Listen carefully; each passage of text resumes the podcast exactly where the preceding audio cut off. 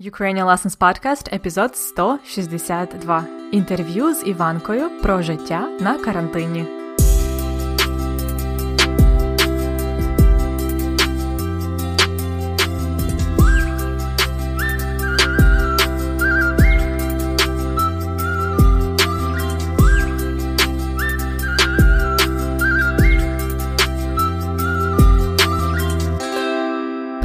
Друзі! Це Анна Огойко і подкаст Уроки української або Ukrainian Lessons Podcast. Це п'ятий сезон, у якому я повністю говорю українською.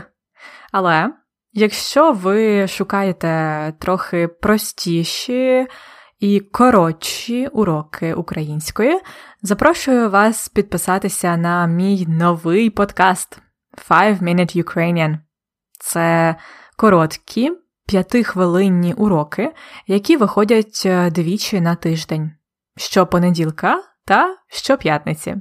Шукайте 5 Minute Ukrainian у своїй програмі подкастів або переходьте за посиланням ukrainianlessons.com риска FMU. А сьогодні у нас особливий епізод подкасту. Це буде інтерв'ю інтерв'ю з Іванкою Войцехович, моєю подругою, а також е, членом команди Ukrainian Lessons. Я запросила Іванку на цей подкаст, щоб вона поділилася з вами, яке життя в Україні на карантині в часи коронавірусу. У березні 2020 року у Європі та світі став швидко поширюватись коронавірус. Тоді багато країн закрили свої кордони і оголосили карантин. В Україні цей карантин був е, досить суворий. Були закриті школи, університети, метро, а люди на вулиці мали носити маски. Зараз, у вересні 2020 року, коронавірус е, нікуди не подівся, але карантин дещо послабили. Іванка живе в Києві і працює в приватній школі англійської мови. Вона викладає англійську, а також е, допомагає проєкту Ukrainian Lessons. Сьогодні вона розкаже вам, що змінилося в її житті під час карантину, і в роботі, і в особистому житті. Також ми поговоримо про її батьків і про чинну ситуацію в Києві. Зверніть увагу, що ми записуємо це інтерв'ю наприкінці серпня. Тому не знаю, наскільки ситуація зміниться у світі наприкінці вересня, коли вийде цей епізод. Отже, спочатку послухайте інтерв'ю, а потім ми проаналізуємо 10 цікавих речень, які сказала Іванка. Добре? Готові?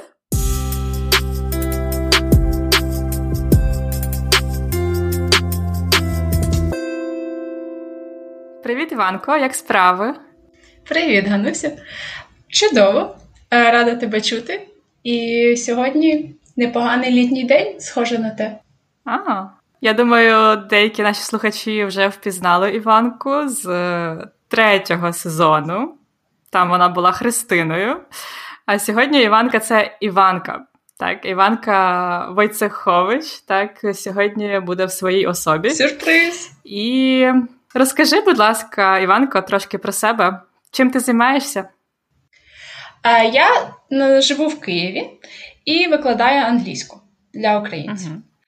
Але у вільний час, як уже ти знаєш, е, я допомагаю також Ukrainian Lessons угу. викладати українську для іноземців. Я я іноді допомагаю з подкастами, але більшість часу я просто пишу матеріали для нашого блогу. І ну і так, по, по-різному буває. Так. Я думаю, наші слухачі могли, якщо заходять на наш сайт, е, бачити статті Іванки, особливо останнім часом. Я лінуюся писати статті, а Іванка нам допомагає. Ем, недавно трошки змінилась, ситуація в світі. Почалася всяка така катавасія з коронавірусом, карантином. Розкажи, як змінилося твоє життя? А, Доволі кардинально, uh тому що звичайне життя у мене таке соціальне. Тобто я працюю з людьми. Потім, коли в мене є вільний час, е, я ходжу на танці, на свінгові танці. Коли відбуваються вечірки, це дуже багато людей. І ну, я ними займалась регулярно, тобто двічі на тиждень тренування і вечірки на вихідних. А тут раптом в один момент все це зникло. Ох. На щастя, нам пощастило, що ми змогли перевести навчання в онлайн. І і як викладачі, так і студенти відкрили для себе інший бік цього всього. Тобто, спочатку мені здавалося це нереальним, а потім я зрозуміла, що це інакше, але можливо. Тобто, ти зараз говориш про те, як ти викладаєш англійську мову, так? А як щодо танців? Танці зникли. Угу. Е, Якийсь час, місяці два чи три, напевно, їх просто не було. Викладачі пропонували індивідуальні заняття, але я не дуже бачила в цьому сенс. Зараз вони повертаються, тому що нас послаблюють карантин. Але я ну, я особисто побоююся повертатися, тому що там дуже маленька соціальна дистанція, і тепер якось вже пріоритети змінилися, і ну так, хочеться танцювати, але при цьому не хочеться ризикувати. Угу. Ти якось тренуєшся вдома, щоб не забувати? А, Якщо чесно, то ні. Mm. Я цим не пишаюся. А, Я бачу, що багато з наших танцюристів тренуються. В нас було багато всяких онлайн-уроків. От, Але я просто змінила свої хобі. Тобто я почала е, більше читати, я почала малювати трішки, і і якось вже немає часу на танці. Так, не знаю. Так, розумію. І ну, наскільки мені відомо, ти також переїхала з Києва, правда? Так. Е, тому що ми працювали онлайн, я могла собі дозволити це. Але, в принципі, це сталося доволі само собою. Тому що на ті вихідні, коли оголосили карантин, я я планувала їхати до батьків. Ну, тобто, я поїхала на три дні і залишилася на три місяці. Ого. А ну, просто якось не було чому повертатися, тому що робота стала віддаленою, а в Києві набагато важче уникати контактів, ніж у маленькому місті в Західній Україні. Mm. Так.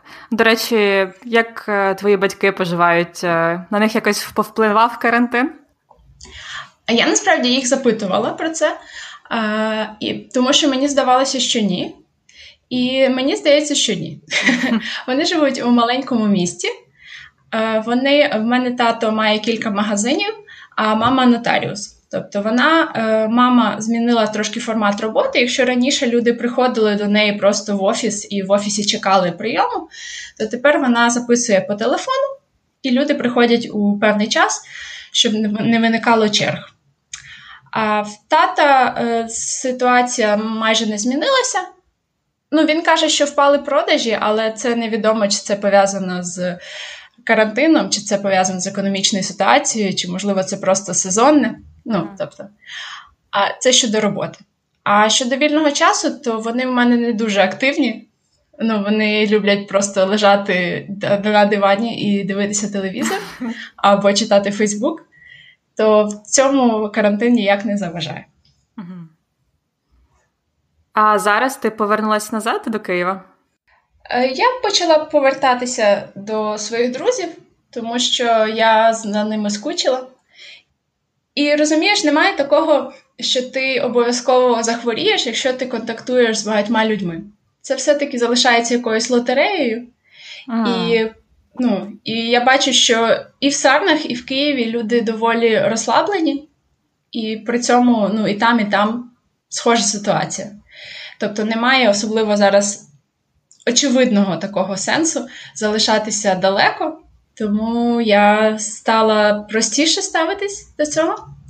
Ну, тобто, все одно залишаються в житті маски, санітайзери, миття рук, але при цьому повертаються друзі, і, здається, життя не повертається до нормального, але життя змінюється і все одно залишається хорошим. Чудово! Можемо тоді завершити на цій оптимістичній ноті. Дякую тобі дуже, Іванко, що завітала до подкасту Ukrainian Lessons. Це насправді було перше інтерв'ю, яке ми проводимо в такому форматі. Дякую за запрошення. Дуже приємно бути першим гостем в інтерв'ю. А, І я сподіваюся, що так ситуація покращиться і в Україні, і в усьому світі. І далі наші теми будуть веселішими. Дякую тобі. Передавай привіт батькам. Дякую.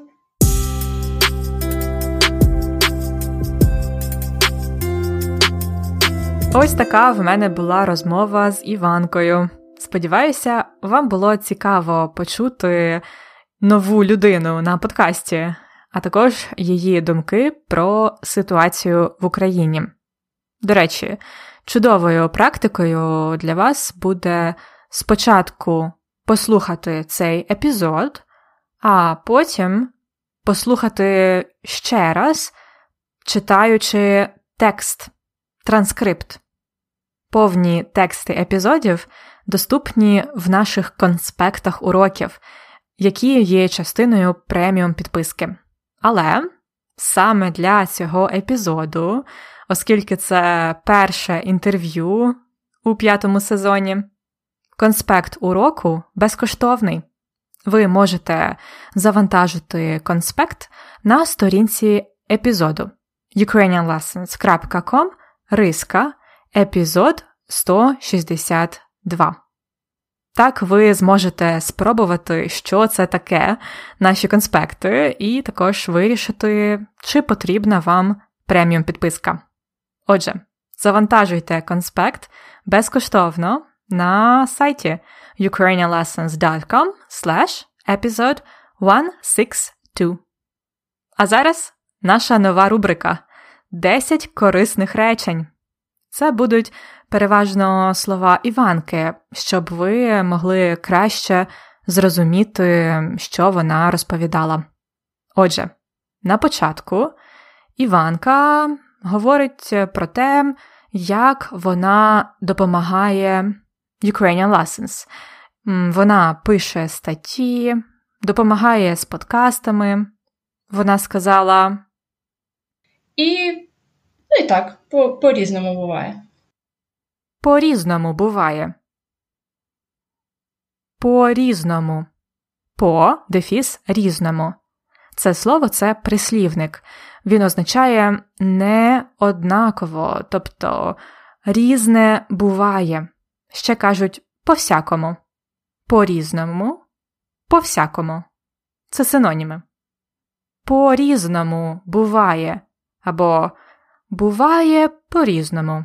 Тобто ситуація не завжди така сама, не завжди однакова. Ситуація змінюється. Це дуже корисне речення. Повторіть його ще раз за мною. По різному буває. Далі Іванка розповідала про своє життя, про свою роботу вчительки англійської мови, і про свої хобі танці, а саме свінг, свінгові танці. Іванка сказала, що її життя взагалі дуже соціальне, але. А тут раптом в один момент все це зникло? А тут раптом в один момент все це зникло. А тут раптом. Тобто раптово, несподівано, дуже швидко. В один момент і раптом це фактично те саме. А тут раптом в один момент все зникло. Тобто зникли танці, зникла нормальна робота, нормальне соціальне життя, все зникло. Повторіть. А тут раптом в один момент все це зникло. А тут раптом в один момент все це зникло.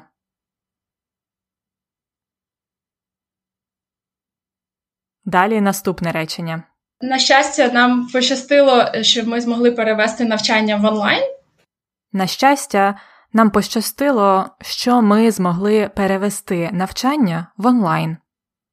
На щастя, тобто добре те, що нам пощастило. Пощастити це принести удачу, удача лак. Пощастило це безособова форма дієслова. Зверніть увагу, як ми говоримо. Не я була щаслива, а мені пощастило. Мені це давальний відмінок.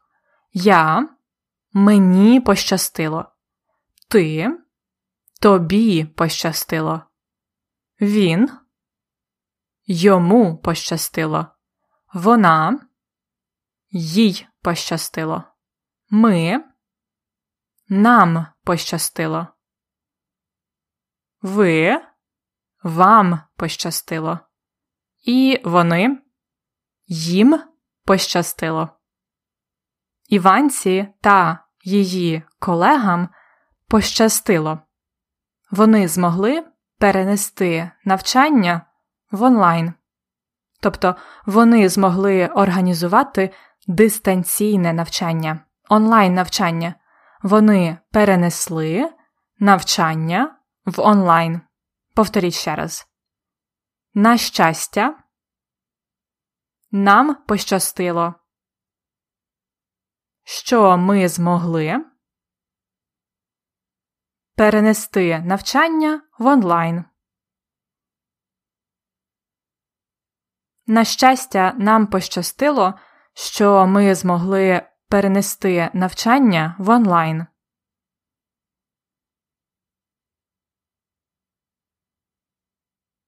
Далі Іванка каже: Тобто, спочатку мені здавалося це нереальним, а потім я зрозуміла, що це інакше, але можливо.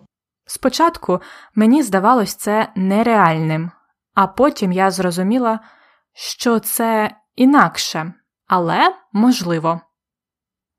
Спочатку мені здавалось те саме мені, так, давальний відмінок. Мені, тобі, їй здавалось це минулий час від здається. Мені здається означає я думаю, а мені здавалось це минулий час, тобто я думала. Спочатку Іванці здавалось це нереальним, це тобто дистанційне навчання англійської мови. А потім вона зрозуміла, що це інакше, інакше, тобто по-іншому. Трошки не так. Це інакше, не так, як було раніше, але це можливо. Повторіть ще раз. Спочатку мені здавалось це нереальним. А потім я зрозуміла, що це інакше але можливо. Спочатку мені здавалось це нереальним, а потім я зрозуміла, що це інакше, але можливо.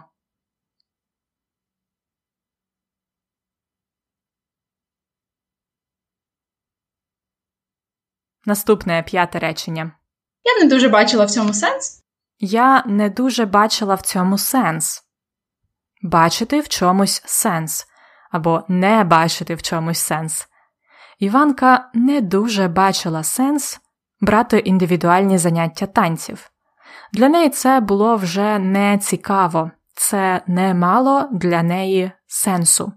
Вона не бачила в цьому сенс, або вона не дуже бачила в цьому сенс. Але вона, наприклад, бачила сенс в тому, щоб переїхати з Києва і пожити з батьками на карантині. У цьому вона бачила сенс. Повторюйте за мною, якщо ви жінка. Я не дуже бачила в цьому сенс. А тепер, якщо ви чоловік, я не дуже бачив в цьому сенс. Далі вона сказала: Ну так, хочеться танцювати, але при цьому не хочеться ризикувати. Так, хочеться танцювати, але при цьому не хочеться ризикувати. Так, хочеться танцювати. Інколи замість я хочу ми говоримо мені хочеться або просто хочеться. Це щось таке, як англійською I would love to. Мені хочеться. Мені хочеться танцювати. Хочеться танцювати, але при цьому не хочеться ризикувати. Не хочеться ризикувати. Ми вживаємо хочеться з інфінітивом. І при цьому означає разом з тим, водночас у той самий момент або просто але. Іванці хочеться танцювати, але при цьому їй не хочеться ризикувати. Тепер повторіть за мною. Так, хочеться танцювати. Але при цьому не хочеться ризикувати. Так, хочеться танцювати, але при цьому не хочеться ризикувати. Іванка поїхала на карантин до батьків.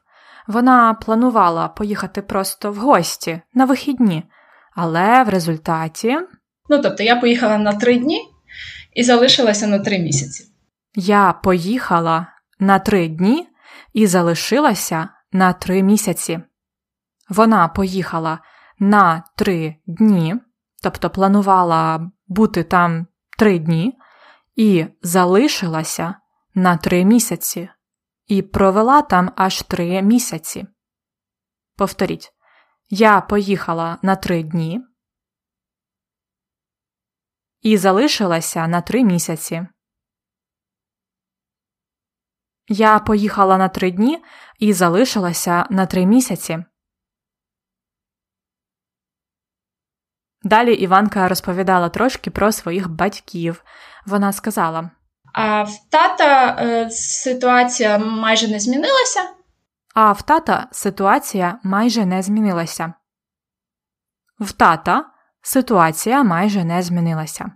Ми часто говоримо в мене, в тебе, в тата, замість того, щоб сказати моя, твоя татова ситуація. А в тата ситуація майже не змінилася.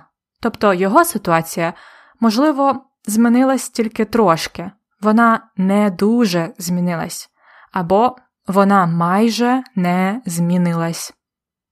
Тепер повторіть. А ситуація майже не змінилася.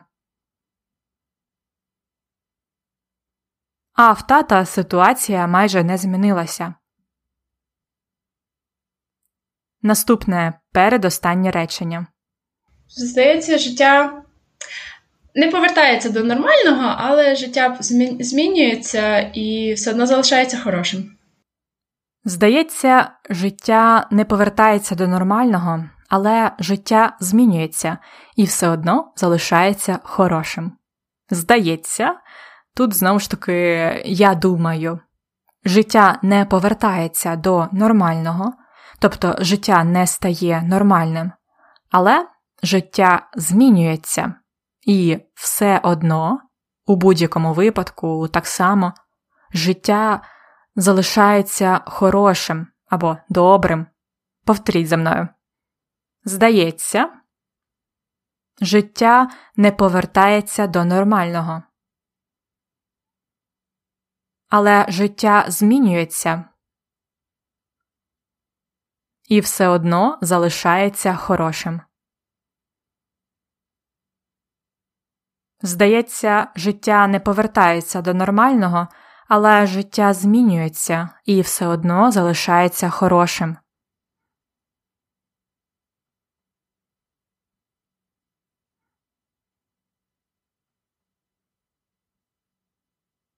І останнє речення сказала я. Чудово! Можемо тоді завершити на цій оптимістичній ноті. Чудово! Можемо тоді завершити на цій оптимістичній ноті. Чудово! Можемо тоді завершити.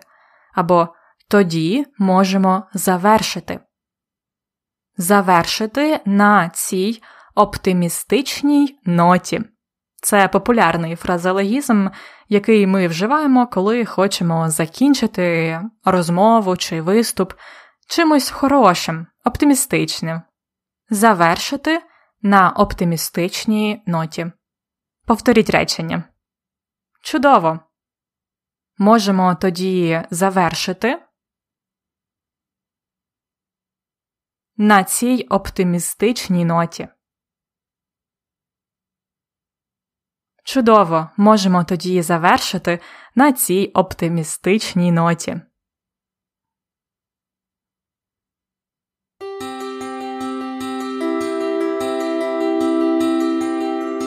І це все на сьогодні.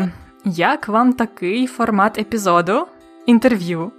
Дайте мені знати, що думаєте, і я постараюсь запросити на подкаст інших людей.